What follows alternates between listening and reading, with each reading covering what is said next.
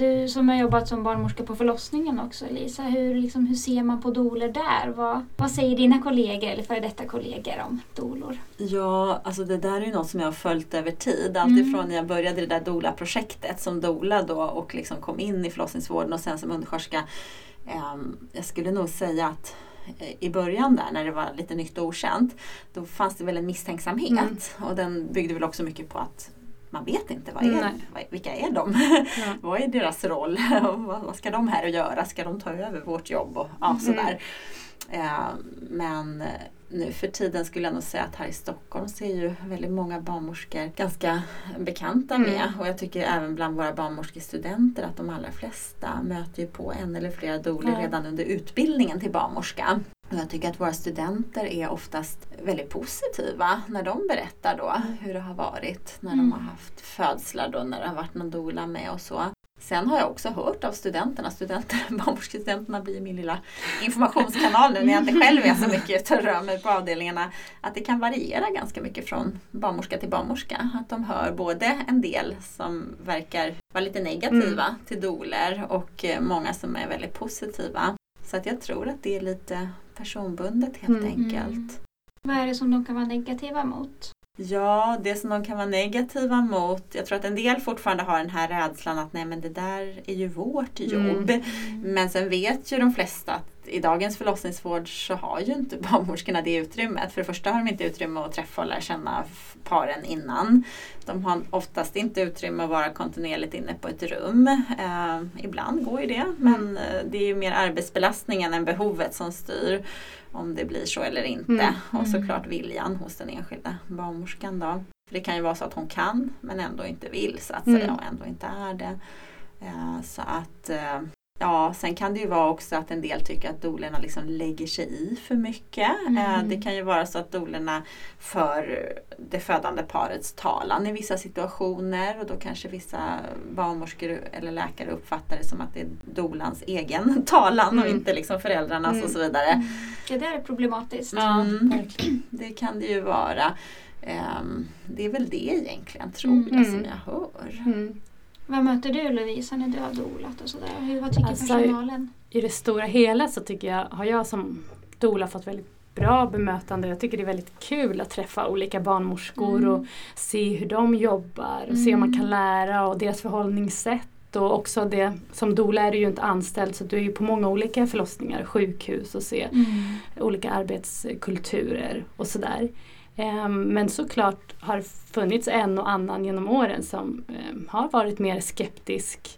Och som Lisa säger, det kan nog vara mycket okunskap och rädsla. Mm. De blir osäkra i sin profession. Mm. Eh, och det här äh, missförståndet att om, om en doula är på rummet, vad ska jag göra? Att, att det är fantastiskt om vi är två närvarande eh, stödpersoner på rummet. Och, eh, men som doula också viktigt att ha respekt för eh, deras arbetsplats och att man inte har det medicinska ansvaret utan mm. är fokus på det känslomässiga stödet. Mm. Eh, men en lyhördhet, det vi pratar mycket om på dolutbildningen också. Mm. Att liksom flexibilitet, lyhördhet och känna in. Och det gäller ju även att känna in alla människor i rummet. Ja. Även barnmorskor, undersköterskor, läkare. Mm. Ja, det gagnar ju verkligen ingen att det liksom uppstår någon slags spänning eller konflikt mellan dolan och precis. någon annan i personalen. Så att där, nej, min, min personliga erfarenhet från dolandet för mm. det är ju också på något sätt att med är lite värme med humor mm. på olika sätt. Att det handlar ju om att vi också måste, vi måste skapa och etablera en kontakt ja. och en relation även med den andra personalen. Mm. Det blir ju ett team ändå runt en födsel. Precis. Och ju mer vi kan göra det och läsa av vilka de är och, inte, och vara lite kameleonter, lite flexibla så att vi också på något sätt anpassar mm. oss eh, på ett sätt som, som blir en skön atmosfär för alla mm. på rummet. Då. Mm. Eh, så att man inte blir okänslig och fyrkantig och att det skapas mycket så här, eh, konfliktytor och sådär för det gagnar ju verkligen inte det födande paret. Nej, det känner ju kvinnan ofta av. Ja. Liksom. Även om hon blundar, även om mm. det verkar som att hon sover nästan. Liksom, mm. så har man ju liksom, mm. Vad kan man som dola då göra liksom, när man kommer in i ett rum och så är det personal där inne och så kanske de håller på med lyssnar på hjärtljud eller undersökning eller någonting. Vad kan man som dola göra för att liksom möta alla som är där inne? Att man ska vara välkommen eller vad man ska säga. Ja, nu vet jag inte riktigt om jag förstår hur du tänker. Om man kommer liksom som första gång in på rummet i en sån ja, situation. Mm. Ja, man... Du nämnde det här med värme och humor. Liksom, sådär. Ja precis, Nej, men kommer man som, anländer man som doula till själva föderummet när någonting liksom pågår så skulle jag nog alltid liksom, ja man etablerar en kontakt med kvinnan som man redan mm. känner och hennes eventuella partner. Men sen ha en lite låg profil tills man mm. ser vad är det som händer här liksom och mm. hitta sin roll så man inte dundrar in yeah. på något konstigt sätt utan man behöver ju känna in och kolla in vad är det som pågår, håller de på med en undersökning eller vad är det som mm. händer. Yeah. Och sen så småningom då sen presentera sig för de andra och mm. ja, så där mm. börja bygga lite relation. Mm. Liksom. Men eh, ja, känna att man jag tror har lite låg profil i början och känner in sådär. Mm. För det är lätt att tänka liksom om man kanske kommer in och så träffar man en barnmorska som är liksom lite äldre och väldigt, man tänker oj hon har jättemycket erfarenhet, hon har mm. jobbat här länge mm. och de har kanske mm. hunnit jobba ett par timmar innan man kom in. Mm. Då kan det vara lätt att tänka att det här är en person som är, är trygg i sig själv och i sin mm. roll men det mm. har egentligen inte med liksom ålder att göra. Liksom, utan det kan ju vara att man är jätteosäker i sin liksom, känsla inför med andra människor. Liksom. Eh, men man vet vad man gör liksom, i sitt yrke. Så där märker man ju lite det här, så här man kan nästan behöva gå in och vara den stora vuxna mm. själv liksom, och vara den som tar i hand och liksom, ja. sådär. Mm. Eh, fråga frågor fast man kanske känner att man vet svaret men för att liksom Mm. skapa en relation och sådär. Det märker jag kan göra ganska stor skillnad. Mm. Ja, och liksom boosta andra på något mm. sätt. Mm. Att, äh, även om det är någon som man tycker har ett arbetssätt eller ett personligt sätt som, som inte kanske är liksom, det man hade önskat då, äh, så kan man alltid hitta några bra saker och, mm. och på något sätt försöka jobba på att tycka om den här personen och, och se de här bra sakerna och kanske till och med eh, säga det till den också. Mm. För att jag tror att inom förlossningsvården, det är väl det många lider också brist på. Att, det, att de sällan får kanske den positiva uppmärksamheten Nej. och att det kan göra att man ja, bygger en, en god relation mm. och att det gagnar alla på något sätt. Att man ser och lyfter mm. varandras bra mm. saker. Om man ser att de säger något bra eller gör något som man tycker mm. gynnar och är bra mm. så kan man ju faktiskt återkoppla det. Ja, till. verkligen den här personen. Mm. Jag tänker att vi doler får ju ofta väldigt mycket feedback och jag mm. tänker att personalen kanske inte får det jättemycket Nej. eftersom de ofta inte kanske träffar de födande efteråt. Mm, så kan det ju vara. Men jag tänker också just personal emellan. Liksom, ja. Att vi ibland mm. inte har tid att se och, och boosta varandra. Nej, och att det precis. gör så mycket för hela arbetsklimatet också. Mm, verkligen. Mm. Varför ska man ha med en doula när man föder? Nu ställer jag en del mm. frågor som kanske jag känner att jag skulle kunna svara på själv. Men, men jag tänker på de som lyssnar. Mm. Mm. Nyfiken på om vi tänker på samma sätt. Ja, men precis. Ja, ökad trygghet mm. tänker jag direkt. Ja. Mm. Vad tänker du? Jo, jag tänker också trygghet och just det här kanske som förstföderska, det är ganska stort ansvar att lägga på en partner som kanske inte har någon kunskap kring mm. Eh, förlossning och verkarbete och mm. då ha den förväntningen från kvinnan att vara det här trygga ankaret eh, som också ska då bli förälder. Det kan ja. vara ett eh, ganska stort ansvar att bära och inte alltid att det ror i hamn. Att, ehm, Eh, och där uppstår ju ofta då en, en besvikelse och att kvinnan kanske upplever sig ensam. Och, eh, så att vår roll är ju att få ihop de här partnern, ge verktyg till partnern så att de kan vara det här fantastiska teamet och går ur förlossningen och känner att vi gjorde det här tillsammans ja. som en stärkande upplevelse. Och sen tycker jag också det är viktigt att säga att Um, ett doula-uppdrag eller hur man dolar, det kan se väldigt olika ut. Ibland är det väldigt liksom hands-on och man höfttryck i 12 timmar och man eh, liksom gör knappt något annat. Och ibland är det mycket liksom att bara hålla spacet, att bara vara där och bekräfta och, mm. och sådär. Så att jag tycker att som doula fyller man alltid någon funktion. Jag har aldrig känt mig liksom överflöd utan mm. det är också vår uppgift att hitta de här luckorna där vi behövs. Mm. Ja, och den här grundramen att man faktiskt har träffats innan mm. och är en bekant person som ja. vi vet har sån extrem betydelse mm. i förlossningssammanhang.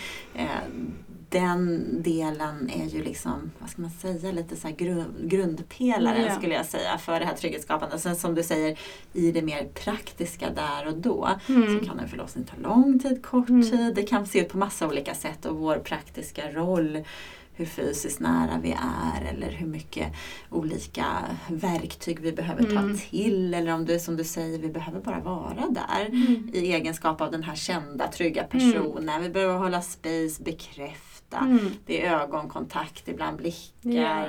något litet tips eller sådär. Liksom, mm. För att det blir så tydligt att de de liksom roddar mm. det här ganska mm. mycket själva. Så där, där i så kan det ju se jätteolika ut. Men jag tänker också att med för, förstföderskorna, det blir mycket också att såklart skapa förutsättningar mm. för att det ska bli en bra upplevelse mm. och att fysiologin ska funka så bra som mm. möjligt när, när, när paret är mer trygga.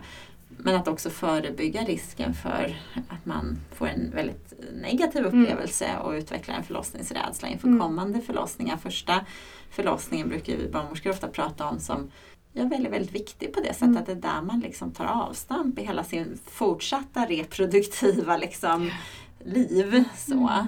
Och får man det rätt så blir mycket oftast mm. rätt.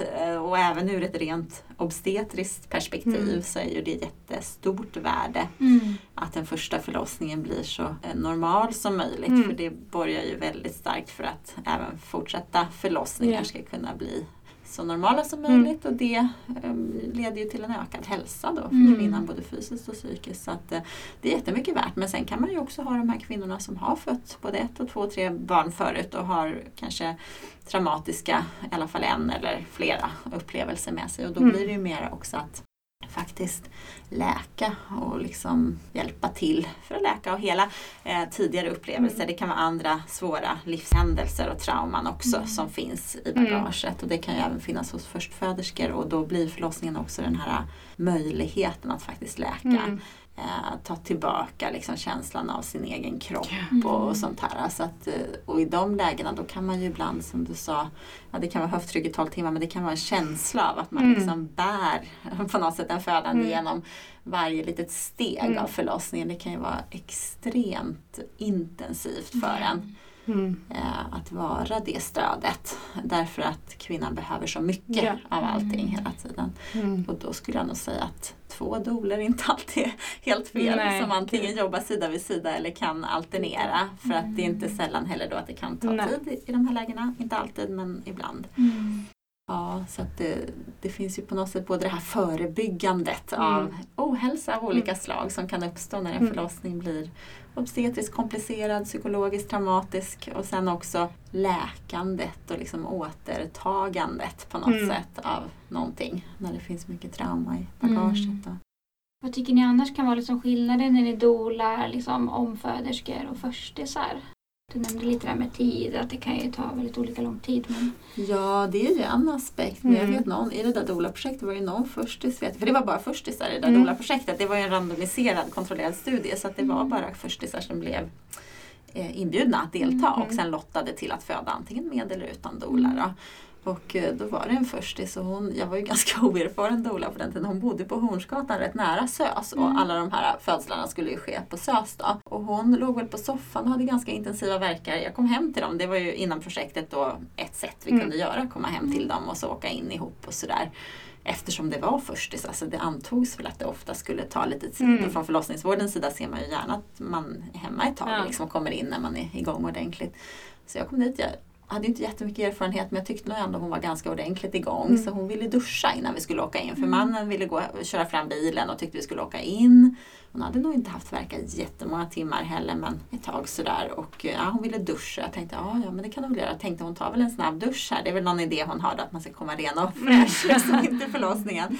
Men mm. så stannade hon där inne och hon verkade inte vilja. Eller så var det jag som var lite oförmögen och inte förstod att hon behövde stöd. Men det var en liten dusch och det var blött och det var varmt och hon var där själv och verkade vilja det. Hon hade dörren lite öppen. Och Mannen gick och körde fram bilen och sen började han liksom ta fram hennes kläder och tyckte att nej men nu ska vi väl ändå åka. Mm. Eh, och hon tog liksom bara tid på sig där inne på duschen och då, hon förhalade på olika sätt hela tiden.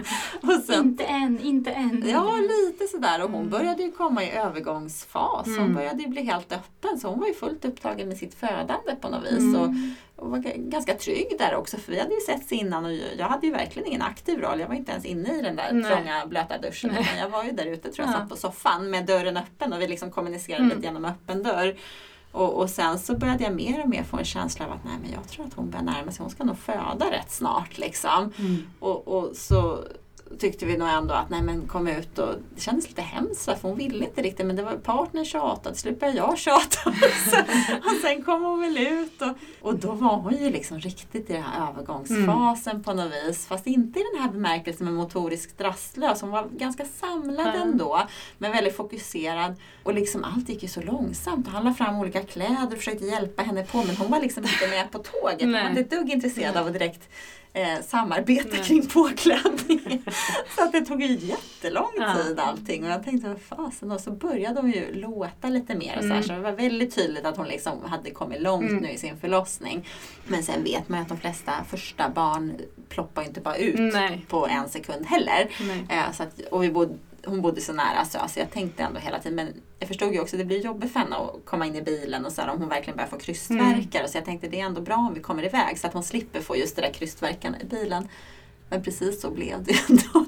Att hon fick ju krystvärkar i bilen men sen tror jag hon hann vara inne ändå en halvtimme ja. eller något sånt där. Så att det, det går ju oftast inte sådär tokfort i själva kryssningen. För där har man ju en annan situation såklart med omföderskor att det kan gå så väldans fort. Det gör det mm. ofta liksom. Mm. Vattnet går och sådana saker mm. så kan det gå rasande fort. Men men ändå bara en halvtimme inne. Ja, någonting sånt. Men du blir stressad? Nej, jag var nog inte så stressad men jag var ganska oerfaren. Jag liksom, ja, det var väl någon slags känsla av att ja, vad är detta liksom? Mm. Jag hade inte tänkt att hon skulle liksom komma så långt i sin förlossning. Det var ingenting som jag hade eh, mm. förutsett riktigt att det skulle bli på det sättet. Så att, på tal om skillnad mellan förstomföderskor, ibland så beter sig ju förstföderskor på ett sätt också som man inte kanske har tänkt att man tror mm. att det här långdragenheten mer är det som kan vara eh, så. Men, men eh, annars så är det väl just den där skillnaden att ha eller inte ha tidigare mm. erfarenheter och hur det har varit och så. Men jag skulle säga att alla förstföderskor har ju ett liv bakom sig mm. också och allt,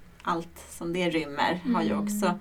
olika faktorer som kan ha mer eller mindre påverkan på hur de ska ta sig an sitt barnafödande. Ja men verkligen. Som omföderska då tycker jag mycket församtalen handlar just de första om deras tidiga, tidigare erfarenheter ja. av förlossningarna. Mm. För att det kan finnas mycket som behöver bearbetas och pratas igenom. Och märker man att det finns väldigt mycket som ligger där så liksom att man ser till att de får stöd under graviditeten med Aurora barnmorskor och mer samtalshjälp mm. så att de kan bearbeta de här upplevelserna inför kommande förlossning. Med förstföderskor, som du säger, har de ju också erfarenheter och ett liv. Så då är det mer hur de ser på födande, kanske hur deras mamma har mm. pratat om förlossningar. Mm. Där kan det också ha formats mycket tankar eller rädslor. Eller, Föreställningar. Ja, mm. precis. Så mm. behöver man jobba med och se hur man kan förhålla sig till det. Mm. Jättespännande. Eh, finns det några nackdelar med att ha med en dola? Eller liksom är det, kan alla ha en dola eller passar det alla att ha en dola? Vad tänker ni? Spontant kommer inte jag på några direkta nackdelar. Alltså jag tänker en dola, som sagt, stödet kan se så olika ut och mycket handlar ju om att verkligen möta paret, vilka de är och vad de drömmer om och mm. har för behov. Så att det, nej, jag kan inte säga att det finns alltid en funktion att fylla på något sätt. Jag har ju även haft liksom doler med vid hemfödslar och nu för inte så länge sedan var det ju två doler på en hemfödsel. Mm. Och par, om det vad de känner mm. att det kan berika liksom deras upplevelse, då har de ju ändå två kända barnmorskor som kommer mm. till dem som inte kommer gå in på några andra rum Nej. eller ta hand om några andra födande. Och då kan man ju tycka att ja, men vad ska dolerna då eh, behövas till? Eh, mm. ja, men om det skapar ytterligare trygghet mm. så är väl det fantastiskt. Mm. Eh, sen finns det väl vissa som menar på, det, det, kan finnas tankar om att för vissa kvinnor är det inte alltid en fördel att ha för mycket personer. Det har ju mm. funnits såna här idéer om att man bjuder in halva släkten och vänkretsen mm. och det blir liksom lite showen föda barn. Och jag har hört en del barnmorskor vid hemförlossningar, de har känt att när varje person nästan har förlängt förlossningen, alltså mm. när man måste förhålla sig mm. till. Men en av de senaste hemfödslarna jag var på faktiskt eh, för bara ett antal månader sedan, då var vi, var vi fem eller sex mm. barnmorskor mm. Och det är ju inte, hör ju inte till vanligheterna. Det kan ju ibland vara att man delar jouren, mm. många, om det är semestertider till mm. exempel. Hur blev det så då? Jo, jag tror att det var så att hon som födde var också barnmorska. så det blev rena rama barnmorskefesten. Och hon hade även fått sitt första barn hemma men då hade ingen hunnit fram riktigt. Jo vänta, den hade hunnit fram. En av barnmorskorna hade hunnit fram. Men då blev det på det viset. Så att mm. nu liksom garderade vi upp oss där. Och egentligen var vi väl, vad kan man säga? Ja, alla hade väl lite olika roller. En hade ju haft hand om henne på barnmorskemottagning. Mm. Men hade själv ingen då hemförlossningserfarenhet Nej. men tyckte väl att det var spännande. Mm. Och de hade en relation från då. Mm. Och en var väl en nära vän eh, som också är barnmorska då. Och så var vi väl några barnmorskor som var på mm. vanlig jour ja. också då för att täcka upp så att vi inte skulle vara för få. Mm. Eh, att någon skulle hinna dit och så vidare. Så att det gjorde att vi blev många helt Alla enkelt. fick komma. Mm. Det blev ja. så till slut att alla mm. kom. Mm. och, det, och då kände jag mig lite sådär, för jag har ju ändå lite påverkad från tidigare då det här med att för många kan mm. liksom, det kan vara så att eh, energin för kvinnan blir att förhålla sig mm. till så många olika personer och deras liksom så att jag, jag var tvungen att lite tvångsmässigt vid något tillfälle fråga Liksom, hur, mm. Känns det okej okay för dig nu att vi är så här många här mm. runt om? Liksom? Um, vi pratade, vi skrattade, mm. vi pratade med henne, vi pratade med varandra i olika konstellationer. Det var ju självklart så att några gick ut och drack till köket och någon mm. gav lite massage och, och det fanns mm. partner och det var så här. Uh, men då fick jag bara liksom det absolut ärliga svaret att nej, det känns jättebra.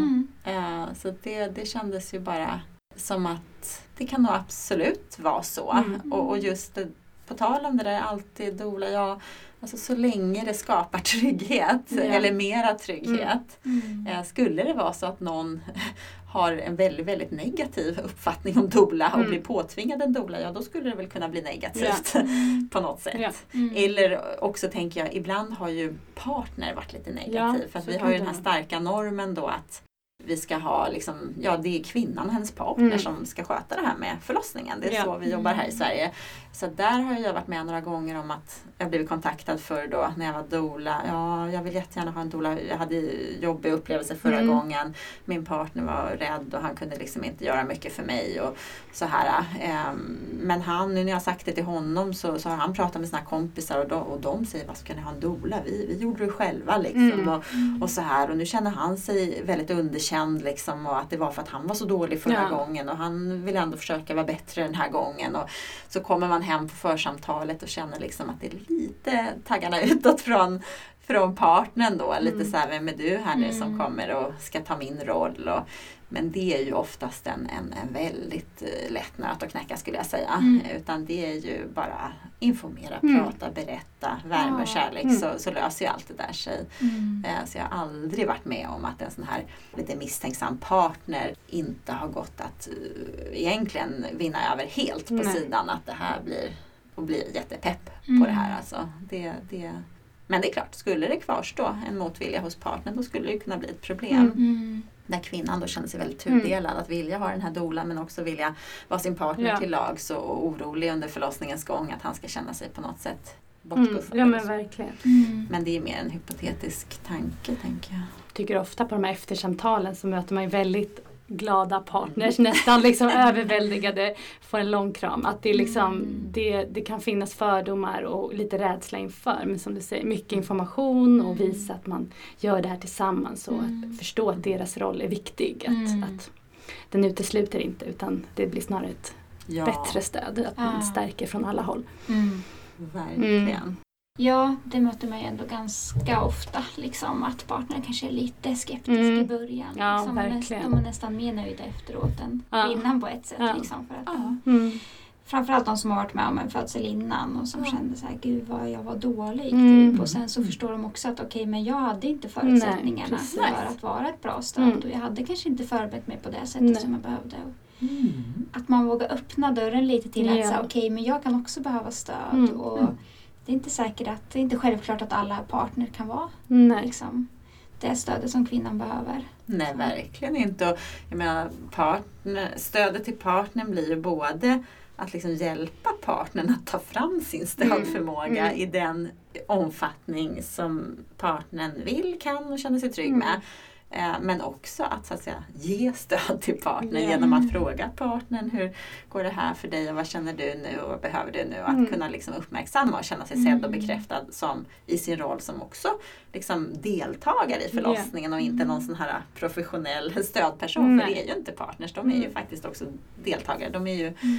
blivande föräldrar. Även om det inte är de som är gravida och föder så, så är det ju liksom de som på något sätt ska få. Ja, och inte förväntas eh, vara de som bara kan mm. och eh, bidra på olika sätt. Då. En tanke som slog mig, kan det vara lite så att om man anlitar en dola, att liksom partnern vad ska man säga, tar ett steg bak och kanske, in, och kanske förbereder sig mindre själv för att man har en dola? Som kanske mm. väljer att inte läsa ut den där boken eller liksom lite sådär. Vad tänker ni? Det finns ju enstaka fall som jag har varit med där partner liksom inte har varit med alls mm. eller varit på sjukhus men behövt kunna känna sig fri att gå in och ut. Och i sådana lägen då, då tycker jag också att det är viktigt att man inte liksom har en för låst idé om att partnern ska alltid ha en jätteaktiv mm. roll vid en födsel. För det kan vara andra kulturella bakgrunder eller egna livserfarenheter mm. och känslor mm. som, som gör att det kan bli jättebra. Alltså vi kan vara så himla låsta ibland att det mm. måste vara på ett sätt för att bli mm. bra. Så att jag tror att kan man hitta en form som man ändå öppnar dörren för att han ska kunna eller hon vara så aktiv och så mycket stöd som de känner sig bekväma med. Men ändå också säga att det är helt okej okay, att det kan mm. se lite annorlunda ut. Då. Jag minns en av mina första förlossningar kom jag in till rummet och då sitter han och spelar tv-spel. Mm. Och hon är ganska i liksom, mm. kommit ganska långt i verkarbetet. Och det, eh, jag försökte där att ge stöd och liksom inkludera men ändå lite, man som sagt man måste känna av och man vet inte vad mm. alla bär på. Liksom. Men alla, hon verkade nöjd, glad. Och det var så spännande sen efter samtalet hur liksom utvärderingen blir. Om det här var någonting de hade liksom lite kommit överens om mm. eller om det fanns besvikelse från henne. Mm. Eh, för i mina ögon såg det lite liksom, vid första anblick lite mm. Ja det var inte så jag såg, har sett så många partners liksom helt in i sitt ja. tv-spel. Men hon var jättenöjd och mm. han hade fått vara med på sitt sätt i den, ur den förmågan han kunde. Liksom, mm. och ja, men så viktigt att man inte har den här tydliga ramen eller bilden hur mm. stöd kan vara. Så du fick syn lite på din bild av? Liksom. Ja men liksom? precis, ja. att också jobba med sina egna idéer. Mm. Att det är liksom, att eh, aldrig tro att man vet liksom. Utan, Vad det bästa är. Nej, liksom. utan hela tiden. Men det är väl ändå liksom, jag menar var det någon där på 70-talet partners fick vara med?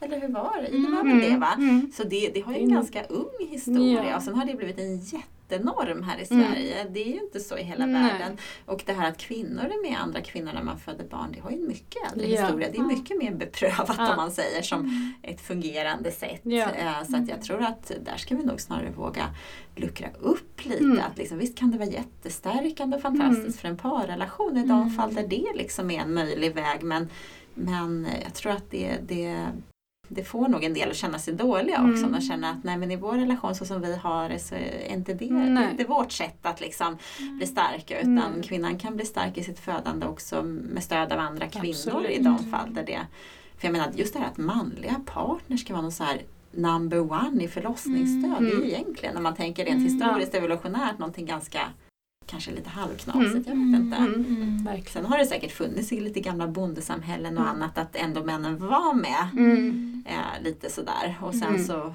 med sjukhusen så fick de inte det på grund av olika sjukhusrutiner och annat. Liksom. Och sen helt plötsligt så var det bara velourbrallan och 70-talet så skulle alla vara med och så skulle de vara liksom fullfjädrade på något sätt. Liksom. Mm. Mm. Så att man måste ju våga liksom röra om i grytan lite mm. och framförallt förstå att one size inte passar alla. Nej. Liksom. Nej. Alltid. Nej. Hur ska man tänka när man ska välja en dola? Vad ska man liksom gå på? Vad ska man titta efter? Ska man träffa många doler? Jag tror inte att så många gör det. Jag har inte den erfarenheten i alla fall utan ofta så blir de, de som jag träffat genom åren, de bli, de har nog inte så jättehöga krav, eller på säga. de blir oftast nöjda. Liksom. Mm. Mm. Och ja, nej, men det här blir bra. Liksom. Jag tror man ska känna mer. Ja. Att det är det känslan, liksom, att det måste ju kännas ja. rätt. Man måste ju känna att man connectar med den här mm. personen, mm. känner tillit till den här personen. Mm. Och trygghet, en känsla att henne kan jag föda barn med. Mm. Precis. Ja, vi brukar ju ha de här små församtal, att man träffas mm. bara för att känna av. Då är det inte så mycket liksom djupgående kring förlossningen eller sådär utan bara känna kemin och, och som födandet känna mm. om det är någon man vill ha nära och tro, känner tillit till. Mm. Så då kan man träffa flera doler liksom och känna om man skulle vilja det. Men Absolut. Min upplevelse är väl lite att man träffar en och så känner man efter, känns det bra eller inte? Ja, och tycker man, man inte det då kanske man mm. bokar in en ja, till. Men precis. Liksom. Jag tänker att det kan bli lite svårt också om man har bokat in och träffar fem doler så ska man ställa dem emot varandra mm. lite sådär och så kanske man, man tycker om tre av fem jättemycket. Ja. Alltså, så här. Ja, men börja med en i taget också. De här mm. första samtalen gör ju nästan alla doler gratis. Och det är också mm. tid att man tar en i taget och känns det inte bra, gå mm. vidare. Att, eh, Sen är det ju självklart så att om man vet att man är jättenyfiken på det här med spinning baby. Mm. Så för min förra förlossning då liksom gick det inte framåt och det stod och stampade mm. och det var ingen som hade några bra förslag. Och då kanske man tittar på Odis hemsida och ser att någon har utbildning i det. Ja. Eller mm. man har gått en uh, kurs enligt mindfulness eller föda utan mm. rädsla. Eller man vill ha dykmetoden. Liksom då, då mm. kanske man vill försäkra sig om att det kan man göra över telefon eller mail då. Ja. Uh, höra sig för mm. vad dolan har för kompetens gränser och sådär. Mm. Mm. Då kan ju det vara någonting man, man liksom vill kolla av innan man tar den där ja. personkemibiten. Mm. Så träffar man sen någon av dem som man vet mm. besitter en kompetens mm. som är viktig för en. och sådär. Om vi pratar lite mer om dolans roll. Vad kan liksom, om jag tänker att det är kvinnor som lyssnar som vill bli dola. Vad mm. kan liksom dolan möta på sjukhuset? Vad kan hon liksom möta för problem eller vad man ska säga? Förstår ni vad jag menar? Förutom det här kanske att någon kan vara lite skeptisk eller sådär. Men... Mm. Ja, vad hon kan möta för problem. Ja. Utmaningar kanske man ska säga. Ja, tänker som dola, alltså det är ju det här att vi, vi vet inte hur lång en förlossning är. Det kan krävas mycket tid. Mm. Ehm, svårigheter vet jag inte men det är som, eh, på, kan vara påfrestande att vara på jour. Att, mm. eh, det krävs en viss flexibilitet att, att ha ett liksom rörligt schema, att inte mm. veta om man får sova i natt eller om man ska slänga sig in i en taxi och åka in på en förlossning. Om det tar två timmar eller 20 timmar. Eller, mm. Så det, det krävs ju um, ja, en flexibilitet och en nyfikenhet och en eh, tror jag, ett stark, en stark nyfikenhet för det för att orka fortsätta mm. liksom, ett engagemang. För att det är fantastiskt men det är också krävande och mm. kräver kan vara intensivt. Mm. Ja, och sen kan det ju också vara så att eh, förlossningsvården kanske inte alltid motsvarar, det beror ju på lite vad man har då, om man har egna erfarenheter eller tankar eller vad man har mm. för bild av hur saker och ting fungerar. Och i Sverige har vi ju på många håll en ganska hårt belastad förlossningsvård som inte alltid bedrivs helt evidensbaserat. Mm. Så har man mycket kunskap om, om det och har läst eh, vad som är liksom viktigt inom en förlossningsvård så kan man ju säkert tycka att där fattas både ett och annat eh, och saker och ting eh, forceras mer än vad man mm. hade hoppats och förväntat sig. Och det är inte alltid det är skiftbyten som kommer i tid och otid mm. och ibland mer otid än tid så att säga. Och, och, och, och som du beskrev också med de här två olika mm. upplevelserna du hade. Man kan ju stöta på saker som man personligen också upplever sig lätt traumatiserad mm. av. Det, det kommer jag ihåg i mm. början faktiskt. Sen när jag började jobba som undersköterska då, då vart man ju liksom lite mer luttrad med mm. allting. Men jag vet att jag hade en del kunskap och jag visste liksom att man ska inte tillmata små barn. Och någon gång hade jag dolat och det hade blivit kejsarsnitt. Och det här var just en partner med med utländsk bakgrund som inte var med så att säga. Eh, så att jag fick ju den här bebisen i famnen och så kom det någon barnmorska med någon kopp med sånt här mm. baby tillägg och eh, jag hade ju liksom kunskap om att om det inte fanns någon speciell anledning mm. så skulle man inte proppa i barnen det här. Och jag tyckte det var riktigt jobbigt att barnet inte ens var med mamman då. Mamman hade blivit tagen till något uppvak. Och där satt jag i förlossningsrummet med bebis mm. och skulle hinka i lite sån här babysemp då utan att jag förstod varför. Eh, och bebisen ville inte alls ta det, den var Nej. alldeles nyfödd. Liksom, så det slutade nog med att jag mer eller mindre smyghällde ut där i masken. Om jag nu vågar erkänna det så här långt efteråt. Ja, och sen så tjatade jag mig till att få gå med bebisen till uppvaket då, till mamma. Så att mm. den fick mm. läggas hud mot hud och eh, som jag minns det så hade jag liksom fingers crossed, måtte den här ungen ta bröstet ja. nu så att mm. de inte liksom undrar varför den, om det fanns någon anledning att den skulle behövt den där maten. Mm. Men den ammade ju då. Mm. Ja, så det var ju bra.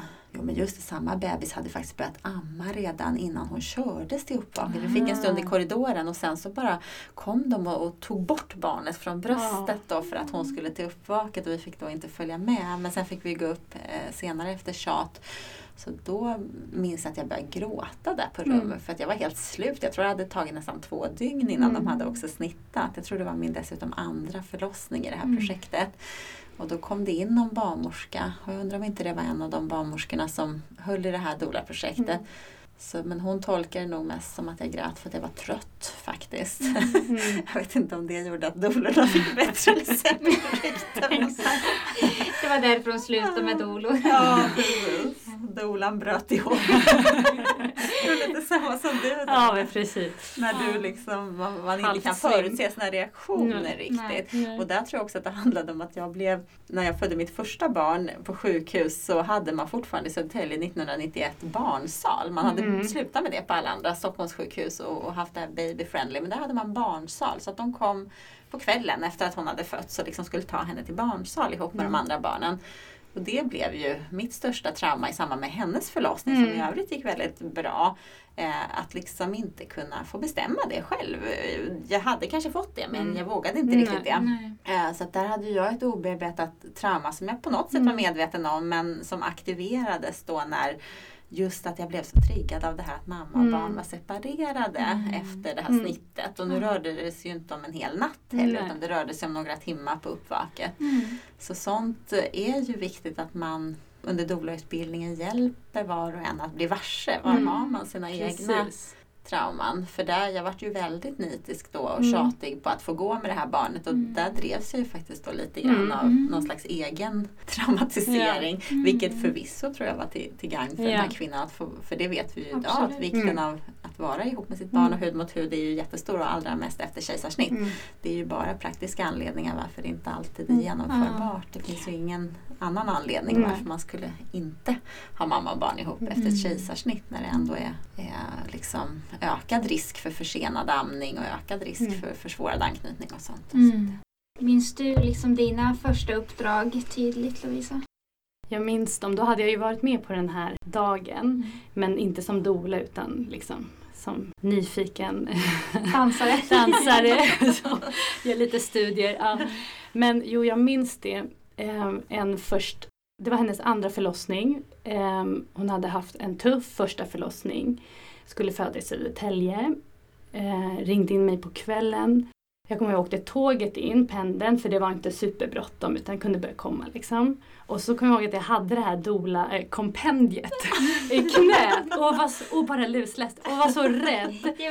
Att missa någonting. Nästan att jag ville skriva ja. punkter på handen. Men det gjorde jag. Men det var så, jag försökte bara liksom så här, som ett så här glosförhör, liksom mm. bara mala. Um, tills jag kom, um, jag skulle precis gå in och så la jag bort det här kompendiet och bara så här, tog några djupa andetag för också liksom bara bli medveten om så man inte jäktar in i ett ja. rum utan verkligen också ta ansvar för sin egen liksom, energi, vad man mm. kommer med in. Mm. Kom, jag kom in där, um, observerade bara vad som pågick i rummet. Och det blev så tydligt att liksom, det är superbra med alla de här teknikerna och det här kan vi göra i den här fasen och sådär. Men det är inte vad det handlar om utan att verkligen bara se dem, se vart de befinner sig med närvaro, med värme, att vilja mm. vara där och tro på dem. Mm. Det kom så långt med. Um, så vi kämpade på hela natten, hon badade och födde um, på morgonen där. Um, och det var en väldigt ja, fin upplevelse för mig som dola men mm. också som de som par hade fått den här revanschen. Och jag kommer ihåg så tydligt efter samtalet, kanske några veckor efter. Och då sa hon det där att ditt stöd och bara din närvaro var mer smärtlindrande än lustgasen. Och det var någonting som också följde med mig. Mm. Att så här, vara närvaron av, liksom, av att tro på någon. Mm. Man behöver inte alltid göra så mycket. Men det, liksom, det finns hjälpmedel, lustgas, epidural och det kan verkligen behövas ibland mm. av olika anledningar. Men det tar inte bort den här känslan av att kanske vara ensam. Det här stödet. Det andra behövs ändå. Ja, liksom. det kan vara ett mm. komplement. Mm. Alltså. Så det var min första förlossning. Mm. Jag tänker att så här, min erfarenhet när jag pratar med doler som har börjat dola och sen kanske inte fortsätter mm. så mycket. Liksom. Som ni nämnde det här med jouren, att det kan vara väldigt utmanande. Mm. Att men man är fast i den stan man är i, man kan inte åka mm. någonstans. Och man mm. måste kunna ställa in möten och mm. be någon barnvakt att hämta eller sådär. Mm. Liksom, att det kan vara en anledning att man slutar dola. Mm. Men också det här kanske att man har någon slags vilja att liksom vara i den miljön. Att så, ja, men det är så himla häftigt och fascinerande mm. med födande och jag vill kunna stötta och jag hör om traumatiska mm. upplevelser och sådär. Men att så kan man ju vara på några förlossningar och få ganska mycket kick. Liksom, mm. Att det är så härligt och fascinerande. Mm. Och sen efter ett tag så kanske man har några liksom, dygnare. Ja. Att man är inne jättelänge och man känner så här, som du sa Lisa, att det kanske mm eh, kostar mer än det smakar. Mm. Liksom. Att, så här, okay, men att ge så här mycket hela tiden, mm. det kräver också att man själv har en källa man kan fylla ja, på. Liksom. Och, ja, men ett nätverk av andra mm. doler eller liksom, mm. ja, men, om, ju mer erfarenhet och kunskap så är det också lättare att hantera mm. de här jättelånga mm. eller som inte blir som man har tänkt. Eller sådär. Mm. Verkligen. Mm. Det tänker jag jättemycket på. För det vet jag ganska många som gick utbildningen med mig. Liksom, att så här, det tog kanske två, tre uppdrag och sen var de så här, men jour och så här långa ja. förlossningar liksom. Det, mm. det går inte. Liksom. Och där kände jag mig väldigt glad att jag hade några som är så här, okej okay, men de här kan jag alltid ringa till. Mm. mm. Så här, och prata med mm. efteråt. För att det spelar ingen roll att min partner är hemma eller att jag kan ringa till min mamma. Jag behöver prata med någon mm. annan som också har varit på en förlossning yeah. och liksom sett det utifrån. Och som bara så här, jag fattar liksom, mm. gud vad jobbigt. Mm. Eller som man kan ringa till och byta av. Mm. Mm. Ja, jag tror det är jätteviktigt. Det, mm. kontakt, det nätet, både att byta av, för mm. man är inte en bra dola efter ett dygn heller Nej. utan behöver ny energi men också att få mm. bearbeta de tuffare upplevelserna som dola så att man också renar sig själv på något vis och Exakt. inte tar med det till nästa förlossning. Um, så att man verkligen hela tiden påminner sig om att man jobbar med sig själv mm. som redskap. Och... Jag vet en annan gäst som vi hade, en, en annan doula, hon sa att amen, när jag började känna att så här, hoppas det inte blir natt, hoppas det inte blir natt. Då kände jag så här, men nu måste jag nog ha en paus. Mm. För jag skulle inte vilja ha med en doula som kände så när hon gick och la sig den självkännedomen är ju kanske inte så lätt att bara hitta eller liksom förstå i sig själv. Men mm. att när det inte går så mm. får man ju ofta den här liksom stoppskylten lite. Mm. Att säga okej, okay, men nu är det paus mm. eh, som gäller. Och att som du sa, det är inte säkert att man är så bra om man inte har sovit på ett mm. helt dygn. Och då kan det vara liksom också det bästa för paret eller mm. den födande att det kommer en som har sovit och ätit och kan börja om lite. Liksom. Yeah. Verkligen, absolut. Är det många doler på era utbildningar som börjar liksom samarbeta och som hittar varann och som Ja, nu har ju vi bara kört två mm. vändor men eh, det har vi ju sett att det förekommer. Mm. Eh, att, att det är på det viset. Men sen har vi ju också då det här med att de bor på lite olika håll ja. i landet. Så att då kanske det handlar om att de ja, det var ingen annan på utbildningen som bodde i Umeå förutom mm. jag. Så då kanske det handlar om att söka kontakt med tidigare eh, mm. utbildade doler mm. i Umeå för, yeah. att, för att etablera något samarbete och sådär. Mm. Men annars är ju utbildningen och har ju varit för vissa ett, en bra tidpunkt att lära mm. känna andra och att faktiskt också redan då börja smida planer för ett sam yeah. samarbete i framtiden. Mm. Men vi pratar mycket om det och rekommenderar det för att orka. Liksom. Att man är ett gäng och hjälps åt. Det är en viktig del. Mm. Vill ni säga någonting eh, avslutande? Det har redan gått en och en halv timme eh, Vill ni säga någonting avslutande? Jag tänker någonting kanske till, liksom, till de som är gravida nu och ska föda under den här lite knasiga tiden. Mm. Eh, och någonting kanske till de som funderar på att bli doula men är lite osäkra. Liksom. Mm. ja, vill säga någonting till föräldrarna kanske? Ja, vad ska jag säga? Ja, det är ju en speciell tid nu och många är oroliga och eh, profylaxkurser och liksom förberedelser ställs in. Även om jag tycker att det finns mycket doler och man försöker liksom skapa online och andra förutsättningar så att man får den här känslan av att eh, känna sig förberedd. Um, och stöd, även om det nu just nu ser lite svårt ut för doler att fysiskt vara med på eh, sjukhusförlossningarna. Det finns några undantag. Mm. Um, så kan mycket göras tycker jag i förarbetet som gravid. Att man har man känner att man fått prata genom sina förlossningar, eh, man har tidigare erfarenheten, eh, att man har stöd omkring sig, att man omger sig av, eh, tar positiva upplevelser, att man också liksom visualiserar och våga tro på att det kan bli annorlunda. Ja, det behövs ju en annan flexibilitet också nu med, nu vet vi inte hur länge det kommer fortsätta Nej. vara på det här sättet Nej. med de restriktioner som är, men till exempel att en födande får ju komma in och föda oavsett frisk, mm. sjuk och så vidare såklart. Något annat alternativ vore ju konstigt. Mm. Men den medföljande får ju inte ha symptom Nej. på sjukdom. Så att i det läget så behövs ju en annan flexibilitet kring vem man skulle Precis. kunna tänka sig att ha med. Så att eh, har man anlitat en doula mm. och jag tycker personligen att dolan är en del av kvinnans vård. Mm. På samma sätt som hon kanske har planerat att hon vill ha en ryggbedövning mm. eller så. Så tycker jag personligen att det borde vara överordnat så mm. länge dolan är symptomfri och så vidare. I den bästa världen skulle man kunna testa dolan till och med eftersom vi mm. vet att vissa har det här coronaviruset utan att ha symptom och mm. så. Men, men nu har vi ju inte tillgång till tester på det sättet. Men hade man det. Men det är också ett, ett tydligt bevis på hur den här liksom psykologiska, emotionella emotionella delen av födandet inte är så högt värderad. Mm, eh, och, och, att det då blir lätt att säga att man får inte ha med sig två Nej. personer. Men det kan mycket väl vara så att partner utvecklar någon typ av symptom och på ja. så sätt då inte kan följa med. Mm. Att man behöver ta med dola eller för den delen om man nu inte har någon dola eh, liksom anlitad att det kan vara någon syster eller vän eller mm. så som man bör, behöver tänka igenom. Mm. Vem skulle kunna hoppa in. Ha lite plan B. Ja, lite olika planer. Mm. Och så får vi hoppas att det inte håller i sig så ja. länge så att det inte kanske behöver vara någonting som mm. gravida behöver fundera på jättelänge. Mm. Men de som vill bli doler, nej men jag tycker, bär man en sån längtan inom sig mm. eh, så tycker jag absolut att man ska ge sig själv den möjligheten att utforska om det är någonting. Och jag tror att många känner, även om man inte kommer igång och dolar jättemycket, mm. man kanske dolar några gånger, så är min upplevelse att det kan vara väldigt, väldigt givande också för en som individ. Eh, särskilt om man då har närt en dröm om att få bidra på det sättet.